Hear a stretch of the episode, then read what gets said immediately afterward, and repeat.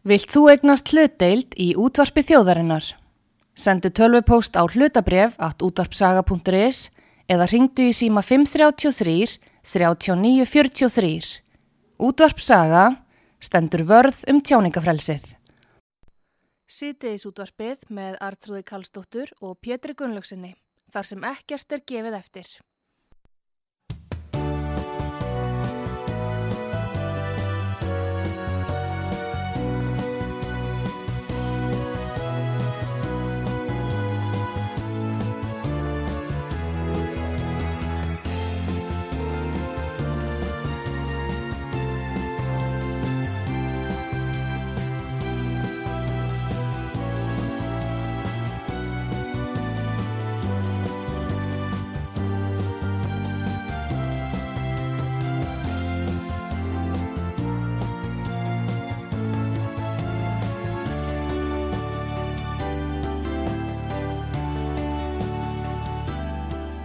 Komið þér sæl eh, til að hlusta út að sögu Artrúðu Kallstóttir og Pétur Gullaugsson hér með ykkur. Það er komið til okkar Sigmundur Daví Gullaugsson fyrir um fórsættisráþurra og formaður miðflóksins. Góðan dag Sigmundur, velkomin á sögu. Góðan dag, þakk fyrir. Og hérna, svona til að byrja með þá e, væri nú frólitt að heyra þín viðbröð á e, stöðu mála núna. Nú er verið að mynda þessa ríkistjórn aftur eftir því sem okkur er sagt og það er enn óljóst hvernig málavextir verða í kjölfar þessa kostninga uppákomu í norð-vestu kjördami mm. og það ríkir svona dál til óvisa og þingiðeila getur ekki komið saman og, mm. og, og fólk fær svona þessa tilfinningu bara landi sér hálf stjórnlaus samt er það það auðvitað ekki mm. en uh, hvað segir um þessa stöðu sem er kominu? Já, þetta er þetta er ekki að öllu liti góð staða það verður að segja þetta eins og er og um, eitt er nú með þessa óvissu með kostningarnar, vonandi leysa með það einhvern veginn. En það sem ég hef nú eiginlega meiri ágjur af er að við höldum bara áfram á sömu braud með, með sömu ríkistjórn og við höfum nú séð hvers eðlis hún er. Við skulum ekkert gera ráð fyrir öðru en að hún bara haldi áfram. Því að þetta er stjórn sem er mynduð um að eh, skipta á milli sín embættum og leifa svo bara kerfuna stjórna þetta er ekki pólitísk ríkistjórn eins og þau með þess að sögðu sjálf einhver. Mm. þegar hún var stopnað fyrst heldur stjórn með, hvað kalluðu það? Breyða skýrskotun og eh, og eh, þau vandana bara munu halda áfram þá á sömu brauð og kerfið munu áfram stjórna.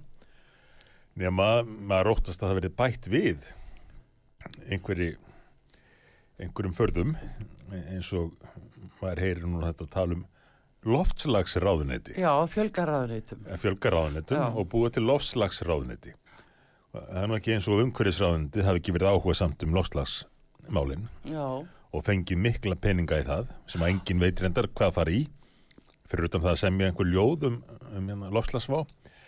En, en allavega nú, nú vil einhverjir búið til alveg sérstatt nýtt ráðunettum þetta.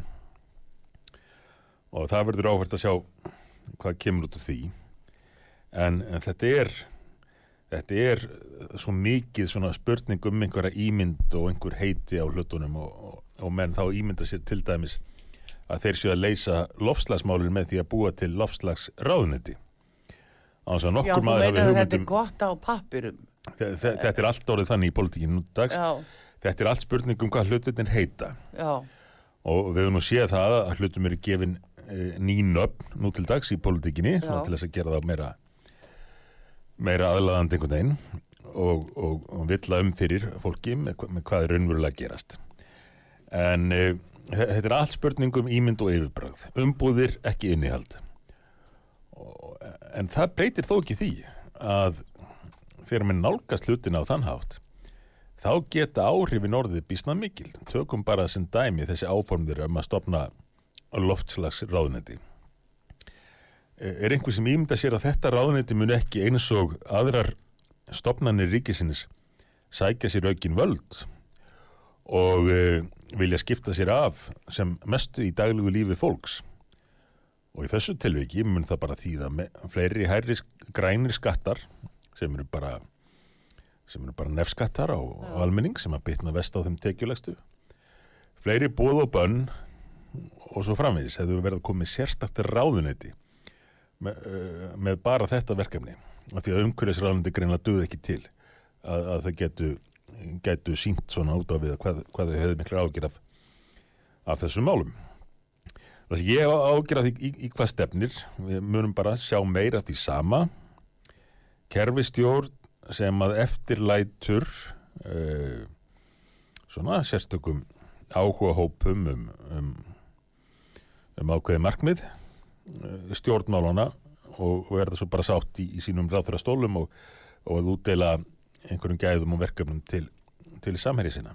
Sigmundur, uh, brínasta verkefni framundan er að vinna á uh, fjárlagahallanum sem er tröllvaksin Já, og uh, það virðist ekkert verið að rætt um þetta atrið og þvert á móti þá er verið að tala um að auka útgjöld til umhverfismála, lofslagsmála og hvernig metur þú stöðuna? Er við hættu ástandi út af fjárhástöðu ríkisins eins og við erum komin hjá Reykjavíkuborg? við erum það, við erum það sannlega og við erum það ekki hvað síst vegna þess að eh, það hefur gleymst að miklu leiti að hugað saminginu milli verðmæta sköpunarinnar og hvernig, eh, hvernig þau verðmæti eru nýtt. Það er allt og margir farnir að líta á það sem sjálfgefin hlut að það sé hægt að eigða peningum endalaust uh, án þess að það hafi einhverjar afleðingar. Fyrirtæki reyndar uh, vita það að þetta er ekki, þetta er ekki staðan. En, en ríkisvaldið verðist oft á tíðum telja sig vera að koma með einhverja eiliðarvél eh, sem að, sem að það sem skipta ekki máli hversu miklum peningum er eitt í, í alls konar óljósa hluti. Og það, það er alltaf að aukast eðslan í óljósa hluti, einhver ímyndar hluti. Að það sé bara þá setni tíma vandamál og leys úr því.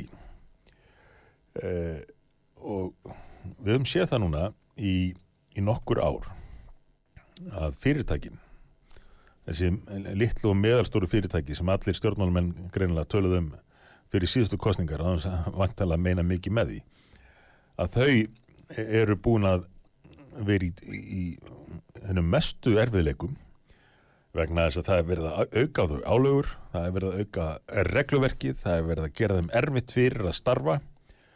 Menn þurfa bara að vera með sérfæðinga í vinnu við að fást við kerfið.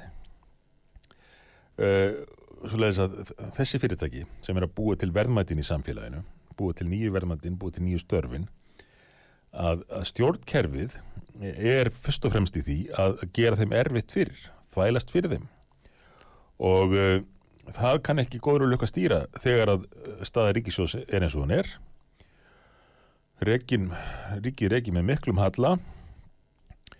Uh, en, en þetta verðist einhvern veginn alveg glemt jafnvel hjá sjálfstæðisflokkum sem að svona gegnum tíðina kynnti sér nú sem málsvara uh, atvinnulífsins og, og, og þar með talið lítilla fyrirtæki En sjálfstæðisflokkurinn og framstæðisflokkurinn stefna því að mynda ríkistjórn með VFG, þetta vitum við all mm -hmm.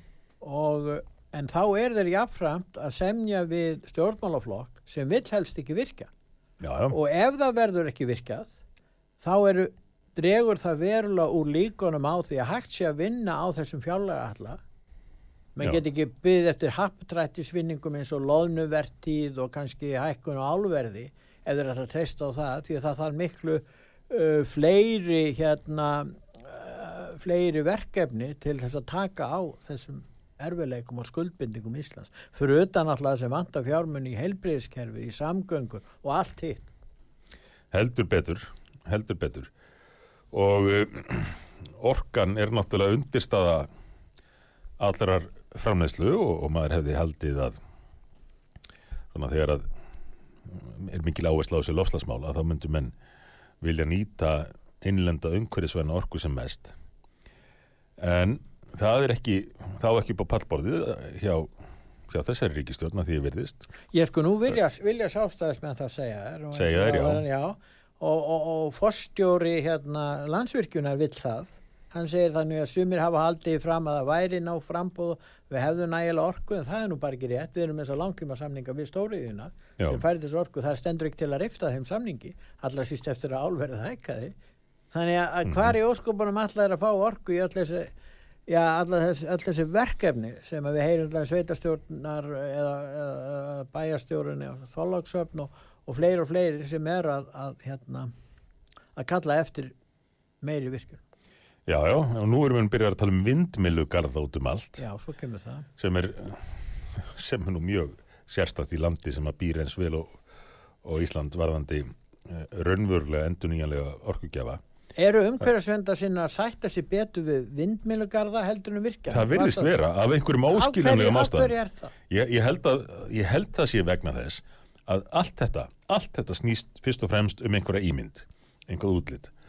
Og vindmilur í þessum kreðsum, í þessum heimi, hafa á sér jákvæð ímynd uh, verandi stimplaðar sem umhverfisvænar. Með þessi oljufélög, ma maður sér þetta á, á flugvöllum Erlendis og, og En það þarf að niðurgreiða með þér, það þarf að borga með Já, já, já, en menn, menn svona auglýsa sig sem umhverfisvæna með myndum af vindmjölum. En þetta er eins og þú segir, réttilega, þetta er allt meira og minna niðugreitt. Þetta er niðugreitt af uh, ríkjum í Evrópu, ekki hvað síst, sem að á móti ta taka mjög mikla skatta af fólki sem eru nefnskattar yfirleitt, orkuskattar eru það í svona eili eðli sínu. Og, og þannig er farið að tala um orku fátækt uh, hjá ekki hvað síst eldri borgurum uh, víða sem hafa alltaf efni á, á, á, á kinda húsin sín. Já, af því það er verið að skatleggja hefðbunna orku svo mikið. Og svo sjáum við viðbyrði eins og, eins og í Breitlandi núna það sem er, menn hafa miklar ágjur af annars vegar orku skorti og hins vegar hækkandi orkuverði, síhækkandi orkuverði. Og þetta er að mjög stórum hluta vegna refsiskatta, auka skattlagningar á orkuna í þessum löndum. Á meðan bara hljóta menn að hlæja að okkur í, í Kína og, og annar staðar þar sem að framleyslan er að aukast sífælt, það verða að færa framleysluna frá Vesturlöndum til Kína og, og þeir bara hljóta að hlæja að Vesturlöndum fyrir það að vera með stefnu sem er markvist til þess ætluð að draga úr framleyslu og auka álögur á almenning í þessum land, löndum samtímis sem er algjörlega galið. Og, og jafnvel innleitt í löndum eins og Íslandi sem er með umhverfisvænistu orkuframleyslu í heimi að, að hér á landi skuli stjórnvöld vilja refsa fólki, vilja uh, neyða það til þess að fara í einhverja borgarlínu og hætta að nota fjölskyldubílinn og, og leggja allar þessar álugur á fólk sem að mér sínist að nýri ríkistjórn muni bara auka með þessu lofslagsræðundi sínu. Að, að jafnvel hér á landi því landi sem ætti sko helst af öllum að nýta umhverfisvæni orkuna til að framleiða meira og auka verðmættasköpun, bæta lífskjör í landinu, að hér skuli vera rekin þver öfug stefna. Uh, en það er einfallega vegna þess að þetta gengur allt út á ímyndina. Þetta gengur allt út á umbúðirnar. Þetta tala um þá að þetta sé svona í einhverju stikkorðum, einhverju fyrirsagnastíl eh, eins og að maður sátt aldrei í kostningabarátunni, það kom já loftlagsmálinn og það kom svona kannski ekkit meira en bara setningin loftlagsmálinn. Ná, Er þetta að tala um þetta nákvæmlega? en nákvæmlega þetta og setningin eins og segir lofslagsmálun eða setningin lofslagsráðuniti Mm og það spurði enginn, býtu, hvað á þetta ráðuniti að gera? Hvaða valdheimildir færða? Uh, hversu mikið mun það kosta? Hversu margir nýjir ríkistarfsmenn verða þá í því að hafa eftirlit með borgurunum og, og koma í vekk fyrir að þeir séu að ferðast til útlanda eða, eða keira fjölskyldubíl eða, eða kaupa einhverjar vörur sem þau þurfi ekki. Eh, Menn bara komast upp með það að kasta einhver svona fram. Já, en þetta var nefnilega bæði ábyrjandi fyrir og eftir kostningar. Það koma svona setningar, okkur finnst ekki nóg að gert í loftlagsmálum Mhm. og punktur, ekkert Ja. meir. Eh, Það vantar heilmikið upp á í loftlagsmálum. Við viljum meira í loftlagsmálum. Og punktur, ekkert meir. Mhm. Þannig að eftir setur fólk bara, já, byrju, hvað, þessi býður 50%, þessi býður 60% og þessi 70% í losun, skiluru. En, en hvað er innihaldið, eins og þú segir, hvað myndi þið í miðflokknum, hvað myndi þú vilja gera núna í þessu málaflokki? Sko, Í, í þessum málaflokki er, er Ísland með algjörða sérstöðu hafandi þessa möguleika á að framleiða endur nýjanlega umhverfisvæna orku. Og við eigum einfallega að nýta þá möguleika framleiða meira orku og búa til umhverfisvænar vörur úr þeirri orku. Umhverfisvænt elsneiti til dæmis. Uh, ammoniak og gas sem við getum flutt, uh, flutt til útlanda sem, sem er orka þá sem er framleitt með endurnýjanlegum hætti og, og nýtist öðrum löndum. En vandamálið er það að, að þetta fólk, það, það lítur ekki á heildarmyndina. eins og Pétur Blöndal heitin benti nú oft á. Sko, vinstir í grænir eru, eru ekki, ekki grænir á heimsvísu. Þeir eru bara grænir í, í sínu nær umhverfi e, eða þannig er stefnan hjá þeim þannig að menn líti ekki til þess sem Ísland er að leggja af mörgum í þessum málum og þeirra tækifara sem Ísland hefði ef við værum að framlega hérna meira af gera orku. Me, með því að, að framleiða eh, meiri orku með þeim virkjana kostum sem við höfum sem eru margir sem að þurfa ekki að skada náttúruna geta jafnvel sumir hvergir uh, eins og hagvarsvirkjun uh, haft jákvæð áhrif á umhverfið En, en sem veitur, eru þá nýtingar möguleikar innan núverandi rammaáallunar? Já, það er nú eitt, þessi ramma á Já, ég meina þetta er stóra máli í þessu. Ef það eru Já. nýtingar möguleikar innan rammaáallunar þá er mjög erfitt fyrir vafki að neyta að neyta því að fari verði virkjuna. Já, já, já. Skilur En, það- en það er ekki ástæðu laus að menn hafa dreigið það endalaust að klára þessa rammaállun. Það er komið langt uh, út fyrir það sem hveð er á um í Já, já, lögum. já, langt, Það átti að vera fyrir löngu búið. akkurat. Og, og hinnir láta alltaf plata sig. Uh, sko, þetta var kynnt sem svo að þarna ætti að ná loksins einhverju sátt um annars vegar verndun og nýtingu. Já, gott markmið. Við viljum, held ég, eða öll Íslendingar vernda náttúruna en við viljum líka uh, búa til einhverju. Þess að þarna var einhvað, átt að vera einhver leið til þess. En, en vinstri flokkarnir, þeir nálguðust markmið málið ekki tannig. Þeir sáu þetta fyrst og fremst sem tæki til að stoppa allt, meir og minna. Uh, og, og hinir, hinir láta plata sig alveg endalust. Þannig að afleðingin af þessari vinnu við rammaáallun, 1 og 2 og 3 og 4 og allt þetta, Já, já. hefur fyrst og fremst verið svo að koma í veg fyrir umhverjusvæna orkuframleyslu á Íslandi. Já, en er það ekki bara spurningin að halda límin í ríkistjórnir á hverjum tíma eins og svo núna, þú segir þetta er komið uh, út fyrir sko lögbundi, uh, eða lögbundi mörg, skulum við segja og síðan það að hamla þessu er ekki bara spurningin um ef það er ekki gert á springu ríkistjórnir Jú, jú, eflaust réttlæta menn þetta fyrir sér með Ekki þeim að hætti. þá. Það er það sem- Og nú, já, nú er komið að því að endur reysana Já, og þá standa eftir mál eins og hálendis þjóðgarður og fleira. En þá geta vinstri græn bara vísa í það að þau hafi klárað síðasta þing með því að allir stjórnarflokkarnir samþyktu að vísa málunu til ríkistjórnarinnar með ákveðnum leiðbenningum sem voru hverjar, klára málið. já, Og, eh, og, og hinnir flokkarnir sem eru bara greina gladir að fá að vera með, þe þeir standa fram með fyrir því að þeir eru búin að samþykja þingsálutuna tilugu í þinginu, búin að berjast fyrir henni með VFG um að málið verði klárað. Þannig að það er auðvöld fyrir, fyrir Katrín Jakobsdóttur að bara minna það á þetta. Og, og, og þetta er einhvern veginn allt á sömu bókinu lært að, að prinsip í pólitíkinni eru bara á hverfanda kveli. Uh, auðvitað myndu margi benda á að pólitík hafi alltaf verið þannig að, að það skorti prinsip en ég myndi segja það á móti já, það var alltaf verið að einhverju leiti en þetta verið ekki verið svona slæmt þetta verið ekki verið þannig að kostningar byggist bara á því að uh, reyna að búa til einhvað slagur til þess að ná sem mestu fylgi algjörlega óháð stefnu, algjörlega óháð stefnu. En Simundur, ef Já. það verður haldið áfram á þessari braut, þá þarf ríkið að taka lán Já, og meiri lán, væntalega innanlandsmáli. Ég meina lífeyrissjóðni geta lánað þessa peninga líka. Og það er spurningin, ég veit ekki hvort þeir vilji gera það.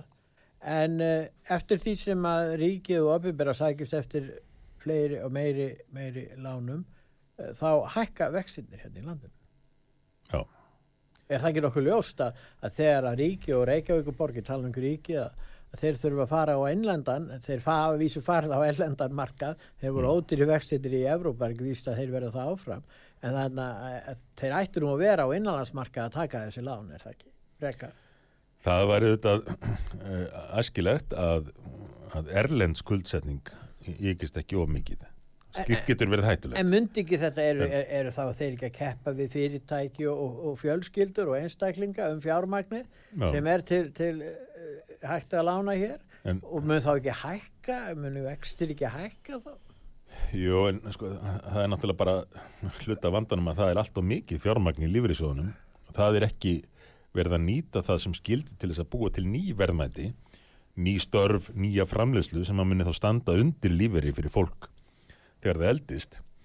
Uh, svoleiðis að þetta er allt spurningum í hverju er fjárfest. Og ríkið ætti að mínum að til núna að fjárfesta til dæmis í samgöngubótum. Hagkvæmum mikilvægum samgöngubótum. En hvað er verið að gera? Skýrasta dæmið er þessi borgarlína hérna í Reykjavík og höfuborgarsvæðinu þar sem að uh, sjálfstæðisflokkurinn og reyndar auðvitað framsóknarflokkurinn sem að einhvern veginn fylgir alltaf í, í allri vilsu sem, sem kemur upp. En sjálfstæðisflokkurinn með sína bæjarstjóra hringin í kringum Reykjavík fer í það að setja 20 miljardar í að standa við kostningalofvorð samfylkingarinnar í Reykjavík um borgarlínu sem er í fyrsta lagi alveg einstaklega óhagkvæm framkvæmt eins og hefur nú komið fram í mörgum góðum greinum ekki hvað síst í morgunblæðinu frá, frá verkfræðingum og, og, og sérfræðingum á þessu sviði einstaklega óhagkvæm framkvæmt sem er auk þess til þess ætluð að uh, hefta bílaumferð. Og einhver, dan, einhver danst ráðgjaða fyrirtæki sem að vann fyrir fyrir því að þessari borgarlínu það er reynda bara létt sig hafa það að benda á það í skýrslu að áhrifin þyrftu að vera þau að þrengjað annar umferð til þess að fólk neytist til þess að fara í borgarlínuna og fólk sem að núna situr fast í umferðinni hérna í Reykjavík eða höfborgarsvæðinu uh, það getur þá hugsað eða velti fyrir sér. Hvernig verður þeirra búið að taka eina akrein í hvora átt af helstu samgönguæðum undir þessa borgarlínu með, með vantanlega tóma uh, risa uh, strætisvagna uh, og, og menn sitja fastir enn lengur í umferðinni en eru einhvað síður að borga fyrir óhagkvæmnina. Því að þessu á að fylgja eh, eiga að fylgja ný veggjöld. Töluðum nú meiri sem að nota Íslandsbanka sem við lögum til að aðfendur almenningi nota eh, arðaf Íslandsbanka til þess að fjármagna þetta. Af því að einu sinni sem oftar þetta er spurning um ímynd. Þetta er spurning um að segja við erum að búa til, hvað kallaðu það hágæða almenningssamgöngur þau notuðu þetta sama eh, fyrir tíu árum, rúmlega tíu árum þegar ríkið fór að styrkja strætó um miljard á ári. Þá átti það að vera til þess að búa til meiri gæði í En almenningssamgöngur Simundur, hefur til dæmis sundabrautin, hefur það verið rannsakað hver, hver arðurinn, arðurinn er af því að reysa sundabrautina, Já, bæði varðandi eh, minna slit á bífreiðum, eh, s- eh, minni notkun elsneitis og svo framvegis. Fyrir utan alltaf að myndi vinna þessari umferða vandamáli hér í já, já. borginni, sko, og tímasparnaður er miklu meiri. gríðarlega hagkvæm uh, framkvæmd. Ég hef nú einhvern tíma séð uh, einhvað mat á þessu, ég, ég treysti mér ekki til þess að hafa eftir tölurnar en, Erum við að tala um 2-3 ár sem tekur að en, það geti verið, það geti verið. Allavega mjög, mjög hagkvæm samgöngubót. En sundabrautin rétt eins og aðrar framkvæmdir sem eru nefndar í, í þessum svo kallaða höfuð borgar sáttmála það sem að ríki, ríkistöndin borgaði sem fyrstu greiðslu 50 miljardar fyrir það að, Dagubí og, félagar myndu samþykja þennan samgöngu sáttmála höfborgarsvæðisins ekkert, ekkert af þessum verkefnum er í, í farvegi. Með þess að sko, formaða skiplasráðus Reykjavíkur bæði núverandi og fyrirverandi segja já við, við ætlum ekki að fara í þessi verkefni sem, að, sem áttu þó að vera það jákvæða við samgöngu sáttmálan sem að, að, að búið til einhver umferða mannvirki sem að myndu liðka fyrir umferðinni. Vegna þess að þau vilja ekki liðka fyrir umferðinni. Uh, stór hluti að þessu er að þrengja að umferð En fjölskyldubílsins myndi á það ekki líka hafa þau áhrif ef að sundabrönn er lagð Mm. þá skapast sko mikið svigurum fyrir að byggja fyrir, á kalanisum og, Jú, það. jú, jú, og það var allir eitt félag sem ætlaði að byggja Já, geysila uh, þá hæ, var hætt við ég veit ekki hvort að bankanir var hætt við það. Mhm. ef að sundabrautin hefði komið þarna þá hefði þetta skipt verulegu máli það stýttir vegalengdir verulega og það vantar lóðir hér á. Reykjavíkusvæðinu þannig að þetta hefði góð áhrif á hús þetta hefði margföldunar áhrif meðal hans á fastegnamarka engin spurning. Þetta er í mitt dæmi um, um verkefni sem að menn þyrtu nú að, að sko, líta á heldar áhrifin af en gera ekki. Og, og mér hefur nú orðið tíðrætt um þetta bæði hér og annar staðar að eh, vandamálið við ríkisreksturinn er að menn líta korki til heldar áhrifa nýja langtíma áhrifa og ef menn gera það ekki þá taka þær ekki skynnsamlegar ákvarðanir til dæmis varandi sundabrautina gríðalega hafkama framkvæmt sem að er skemmra á veg komin núna en hún var fyrir 15 árum. Eh, það eins og þú segir myndi skapa mjög mikla möguleika á uppbyggingu á nýjum svæðum. Verðmættar lóðir sem að ég er þó á því að borgin ætti ekki að einbetta sér að, að því að græða sérstaklega áheldur að bara koma í umferð til uppbyggingar. Því að það sem að skortir umfram allt á húsnæðismarkaði núna, við sjáum þessar gríðalögu verðhækkanir, það er frambúð, það er frambúð á lóðum. Uh, og, og það er afleðing meðal hans að borgarlínu æfintýrin og einhverjum hugmyndum um þéttingu byggðar þar sem að, að sko, rífa bensinstöðar og byggja fyrir næstu hús einhverja, einhver fjörbílishús sem liði í þéttingu byggðar. Uh, að því marki að, að sko, borgarstjórnin er búin að breyta oljufélögum í, í fastegnafélög með því að, að gefa þeim vantingar um að þau geti grætt meira á því að, að byggja, byggja stort hús uh, yfir bensinstöðuna sína. Allt er þetta út frá einhverju svona vanhugsaðri hugmyndafræði. Það sem vantar á fastegnamarkaðin til þess að ungt fólk geti keift til þess að, að, að hækkan, hækkanar fastegnaverði sé ekki að leiða hér landinu, það er aukið frambóð lóða og sundabrautin væri mikilvægur liður í því En nú hefur þú eh, svona haft mikið áhuga á skipulagsmálum. Já. Eh, Þétting, svona við eh, förum til Manhattan og þessara staða, það leiðir að því að, að það vantar þarna svæði, landsvæði er náttúrulega ekki fyrir hendi. Hérna höfum við þetta.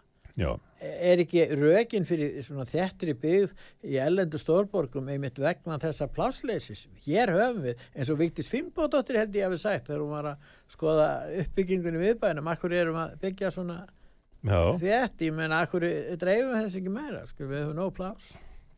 auðvitað þetta er hluti af þeim lífsgæðum sem við höfum Já, og það er alltaf verið að taka meira og meira af lífsgæðunum sem að fylgja því að vera Íslendingur á okkur já, út á einhverja erlenda stefnu út á einhver sem hendar öðrum þjóðum en ekki okkur sem tekur ekki tillit til okkar aðstæðina og í þessum skipulagsmálum þá uh, virðast menn nálgast þetta eins og að þeir ímyndi sér að Reykjavík sé eins og Amsterdam eða gamli miðbærin í Kaupmannöfn og ég kann bæði mjög vel að meta Amsterdam og gamla miðbærin í Kaupmannöfn ég hef búið þar og, og þar þurfti ég ekki að eiga bíl. Ég bara fór allar minna að ferða gangandi og, og það var bara ljómandi fínt. En það er allt aðrar aðstæður.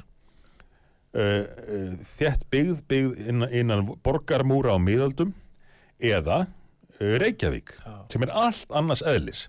Og þú getur ekki nálgast Reykjavík með, með skipulastefnu sem er uh, hönnuð út frá allt annars, allt annars konar borg. En það hefur aldrei verið neins skipulagstefni í við, þeir tala, sko, þeir hafa aldrei sett fram þessa, uh, þessa áætlunum borgarlínu í nákvæmlega fram. Hvað er alltaf að gera og hvernig að útfæra þetta, eða er það, finnst þér? uh, þeir hafa nú byrt einhverjar skýrslur um þetta Ég er að og tala um áætlunum sem slíka, ég meina. Nei, nei, sko, kostnaðurinn Já, kostnaðurinn líkur Og ekki fyrir er, a- og rekstrakostnaður er valla nefndur sem er algjörlega ótrúlegt þegar menn fari í svona stórt verkefni. Að í fyrsta lagi þá bara komist þeir hjá því að, að gefa upp hversu mikið þetta muni kosta, framkvæmdin. Og þeir geti bara sleppt því að ræða hvað muni kosta að reka þetta. Og, og það segir sína sögu um þessa ríkistjórn og hvernig kerfið allt saman virkar. Að, að hún skuli samþykja, eða hafa kjörtumil að setja 50 miljardar 50 miljardar inn í verkefnið án þess að hafa hugmyndum hver endanlegu kostnæður verði og án þess að hafa nokkra einustu glóru um hver ekstra kostnæðurinn verði og hvort að hann muni lenda á ríkinu. En þeir telja að þetta verði rekið með tapi, borgarlína. Já, Þeir sem vilja það. Þeir, þeir eru aldrei haldið fram að þetta rekið með Nei, nei, og, og þeir hafa heldur ekki uh, sagt að ríkið muni sleppa við að fjármagna reksturinn. Uh, það verður fátum svör hjá ráðþörunum þegar maður spyrða um þetta, en ég eftir því að borgarstjórun og fleiri, þeir hafa ekki viljað segja sko, að, að ríkið mun ekki þurfa að koma að reksturinnum. Þess að það er búið að leggja upp með það að, að það er að fara að taka veggjöld af fólki hérna í Reykjavík fyrir það að setja lengur fast í umferðinni og horfa á vantanlega hálftóma borgarilínu vagna eh, bruna framhjá og, og þetta finnst mannum bara ágætt af því að þetta gengur allt út á einhverja hugmyndafræði, einhverja útópíu frekar en raunveruleikan og, og, og pólitísk prinsip Já, þetta segir gestur okkar hér á útvarpi sögu sem myndi Daví Gullursson fyrir um fórsættisáðra og formaði miðflóksins. Við ætlum að gera stuttlið, fá auðlýsingar og komum svo aftur.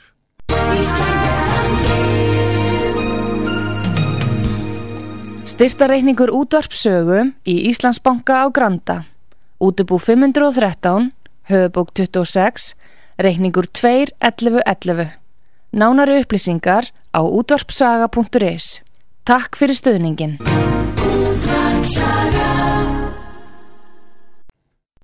Sýtiðis útvarpið með Artrúði Kallstóttur og Pétri Gunnlaugsinni. Þar sem ekkert er gefið eftir.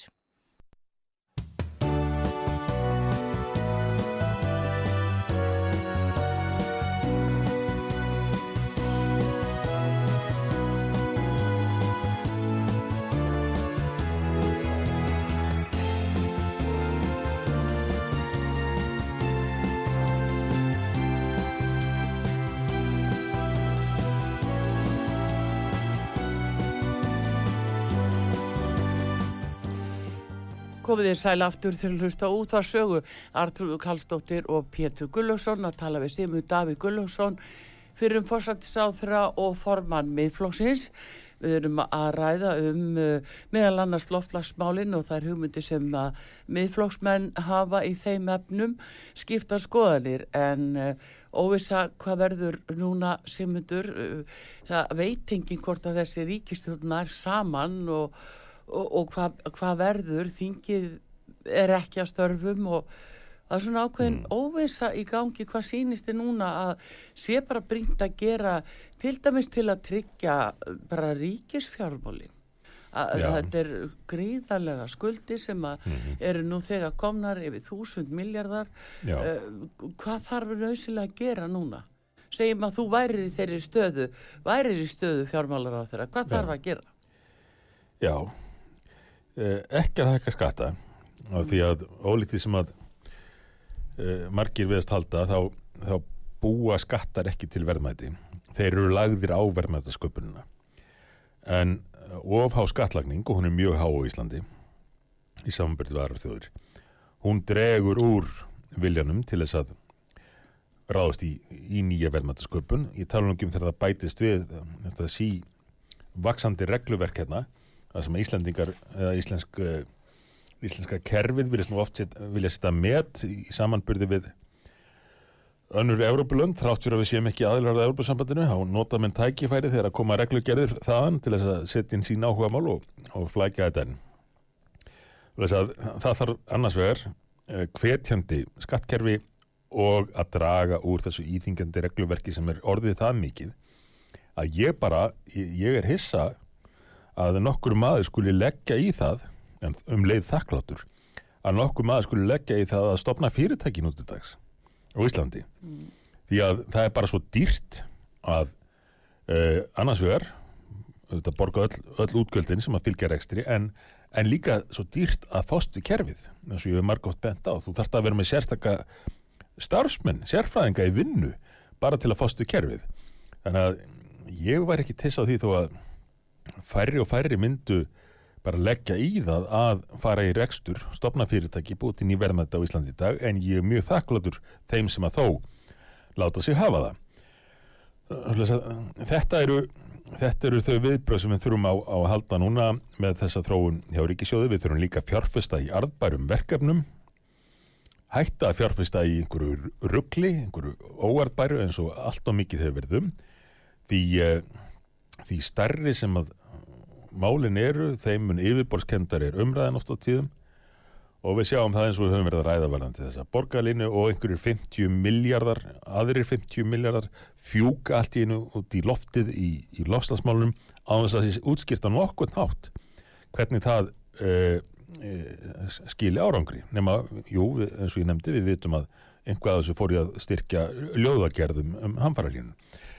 Svo lesa að við, við þurfum að, að fara að reka landið meira út frá heilbriðri skinnsemi og fjárfesta í því sem er uh, arðbært og eitt af því sem er hvað arðbærastur í samfélagi til lengri tíma leitið er að, að fjárfesta í, í, í byggðamálum, í, í því að tengja landið allt saman uh, veita þjónustu uh, um allt land svo leiðis að þetta tiltöla stóra land og fámenna nýtist allt til að búa til verðmættin fyrir samfélagið. En Simundur, fyrir ekki að Já, það, eh, það er búið að selja eitt þriðja af Íslandsbanka hver Já. eignast uh, þess að hennan uh, tvo þriðju sem á eftir að já, einhvern veginn að koma í verð hvernig er það verið gert? Já, með þessa ríkistjórn, þá ímyndaði mér að það verði þeir sömu og lögðuð kerfundi sig á sínum tíma og, og maður tók mikla slægi við einhverjir vogunarsjóðir uh, í, uh, í New York og London.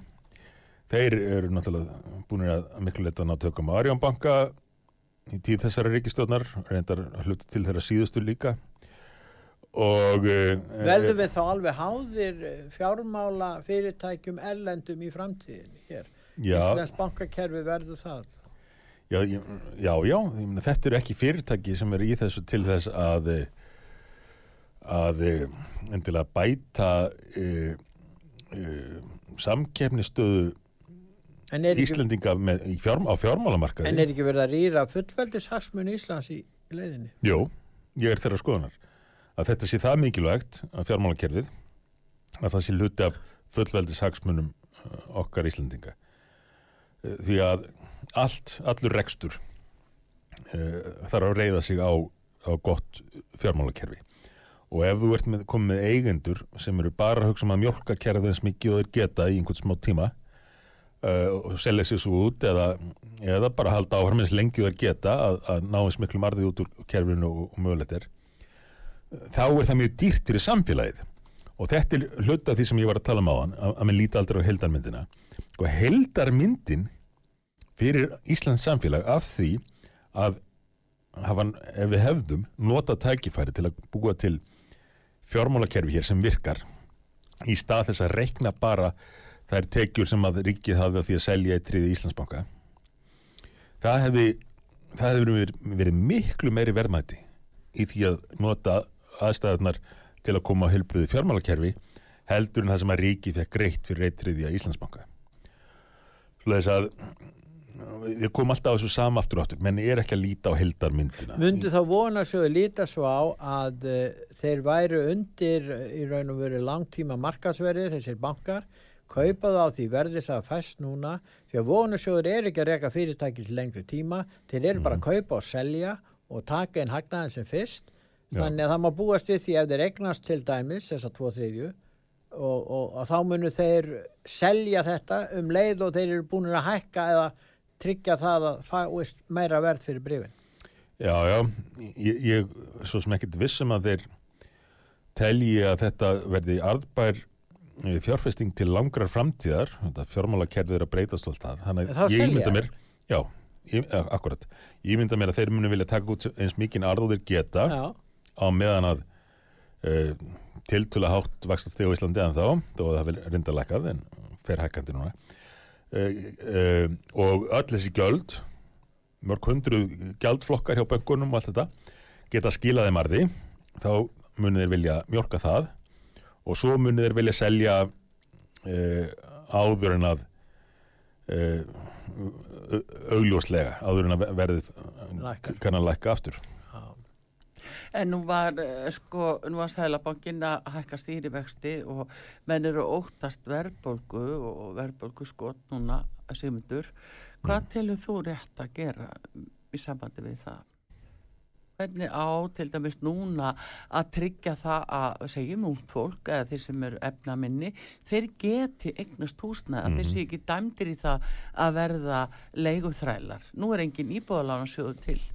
Já, já, Nú er búið að taka hann í burtu.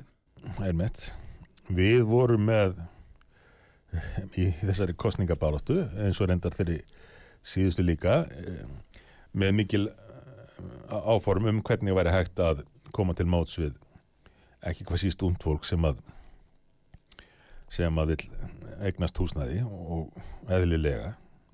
Eh, og, og það byggðist á á svona ákveðinu réttindum. Að það væri ríkið þetta bara að líta svo á að á Íslandi væri það hluti af réttindunum sem fylgja því að vera borgari hér að hafa tækifæri til að eignast eigið heimili. En þetta er hins vegar hvað sem líður hérna, áherslum okkar og ég ætla ekki að verið tímanum í að rekja þær hér en, en það sem þarf að fylgja því er uh, aukið frambóð lóða eins og við vorum að tala um aðan og eins og Pétur kemur inn á með mikilvægi sundabrautar þar strax myndi lóðaframbóð geta aukist mjög umtalsvert. Já, eh, fyrir ekki Já, segundur, en nú skulum við horfast auðvitað við það að það er nýbúið að skrifa til það samkomula hjá samgöngur á þeirra og borgarstjóra Mhm. að það verði farið í að uh, verk framkvæmdir á sundabraut hefist 2026 já, tækir tíu ár. sko eh, það eru fimm ár þanga til. Já, já.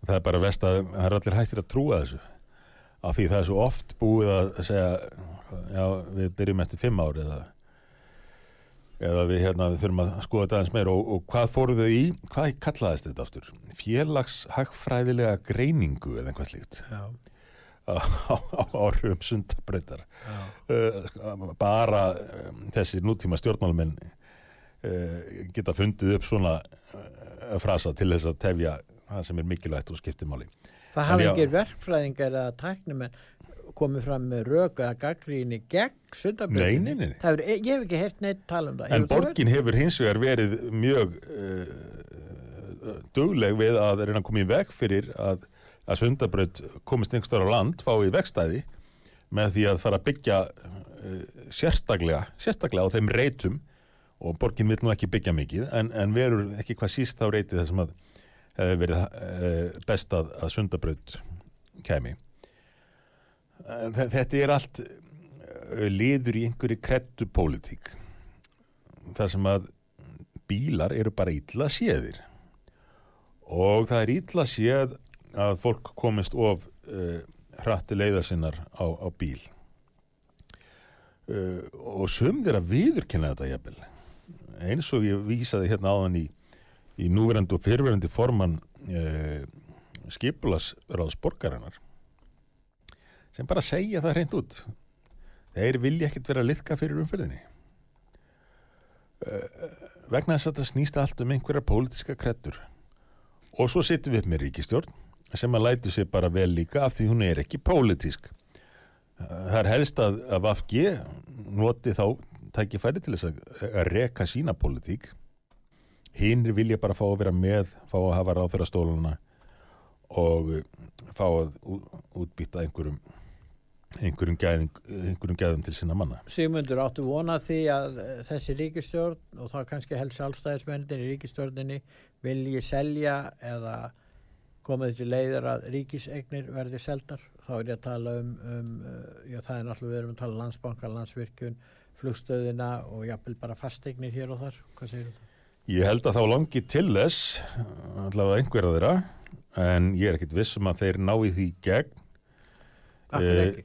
eh, vegna þess að ja, það væri nú mjög langt selist fyrir Vafg að, að fallast á slíkt. En þetta hins vegar tengist umræðu sem að maður hefur séð núna síðustu daga, ekki hvað síst á sviðu orkumálana, eins og varðandi landsvirkjun. Allt í hennu byrjuð umræða um að það þurfi að brjóta upp fyrirtækið, skipta því upp sem er nákvæmlega það sem að maður óttaðist og talaði hvað mest um í tengslu við þennan þriði Er það orkupakka. af Evrópu? Já, ég, ég, sko, svo nota minn það sem, sem ástæðu. ástæðu. Fyrst er sagt, þetta er alltaf sama sagan þegar verður einlega einhver svona eh, svona regluverk. Fyrst er sagt, þið eru nú meiri kjánatnir að hafa áhugjur af þessu. Þetta skiptir engu máli. Þið er búið til hérna einhvað moldveðri um einhvað sem hefur engin áhrif, skiptir engu máli og svo kláruðu orku pakkan og segja, sko, Ísland er ennþá standandi. Hvað gerist næst?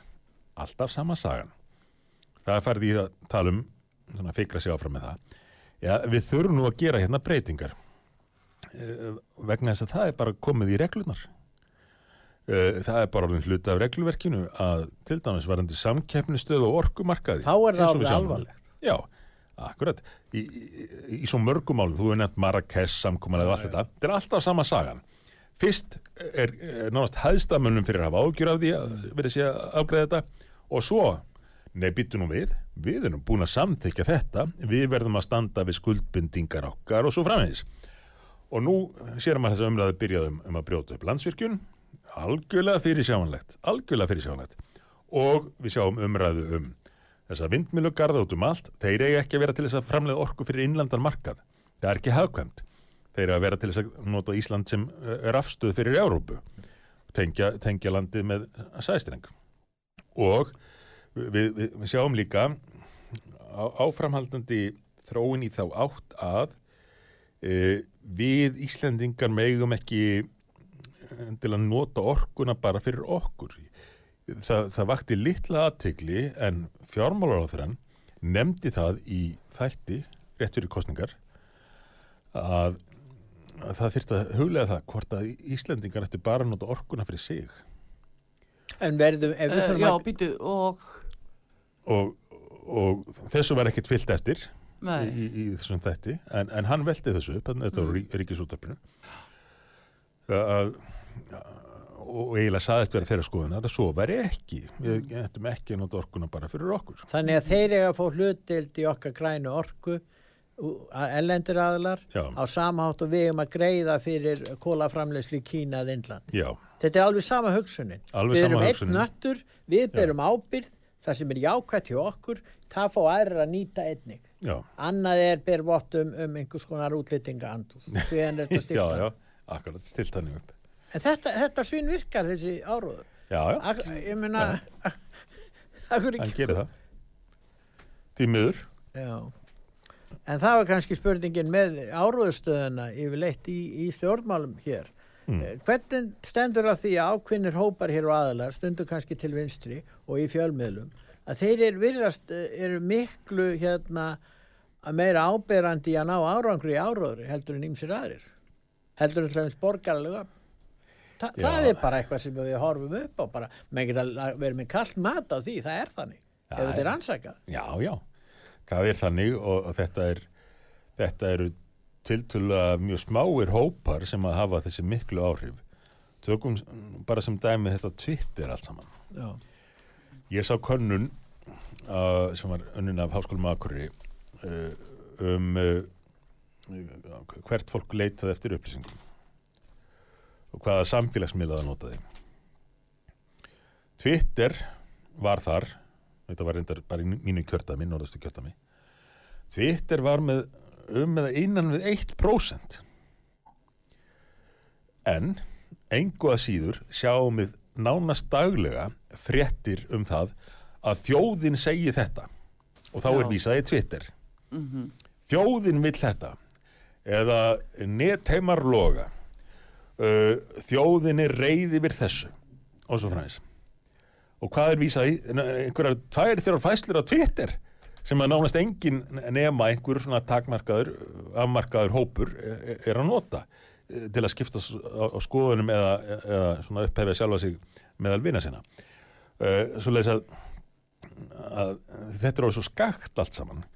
En þetta byrtist í því að vinstri grænir um áttaþingmenn og fá vantala fósittisráðara embættið já, og hefur það nokkuð gerst á hérna, eftir, já, frá því að Íslendingar fengu sín mál í hendur að, að ríkistjórn eða stjórnmálaflokkur með já, átta af hvað, 63 þingmannum fái svona mikil völd.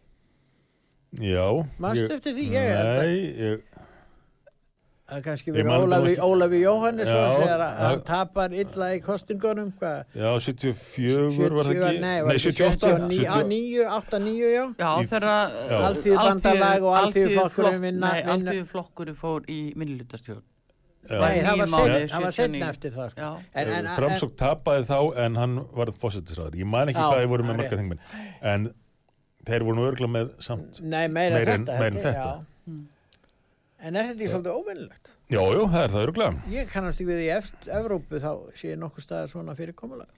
Nei, nei, en, en þeir Ég Ég veit að við svona- þurfum að fara að hætta nú er tíma okkar að vera Já, búin. já. Hvað segir Simundur Davíð? Svona, ertu bjarsinn á það sem framöndan er fyrir ykkur með flokkin núna Já. þrýr menn og bara berði í borðið? Hvað? Já, já, sko ég, ég, ég er ekki sérstaklega bjart sýtna á, á hvernig þessi ríkistjórn muni stjórna landinu en Já, ef hún til verður til. ef hún verður til, já.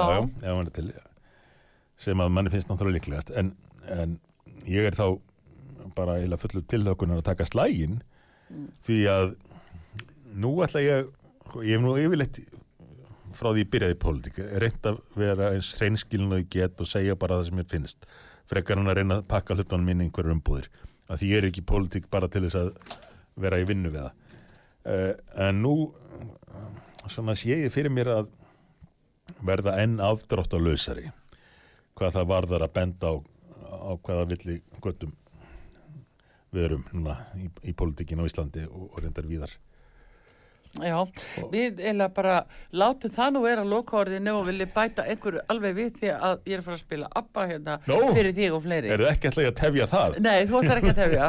Nei, ég er bara að þakka fyrir Já, bestu þakki fyrir kominu að Sigmundur Davíð Gullusson fyrir um fórsættisáþra og formaður miðflóksins. Takk kærlega og gangiði vel. Takk fyrir. Takk Erum við kveðjum Arþróðu Kallstóttur og Pétur Gullusson og taknumæður og við ætlum yfir að fá ABBA og það er eh, My Love, My Life. Verið þið sæl. Verðið sæl.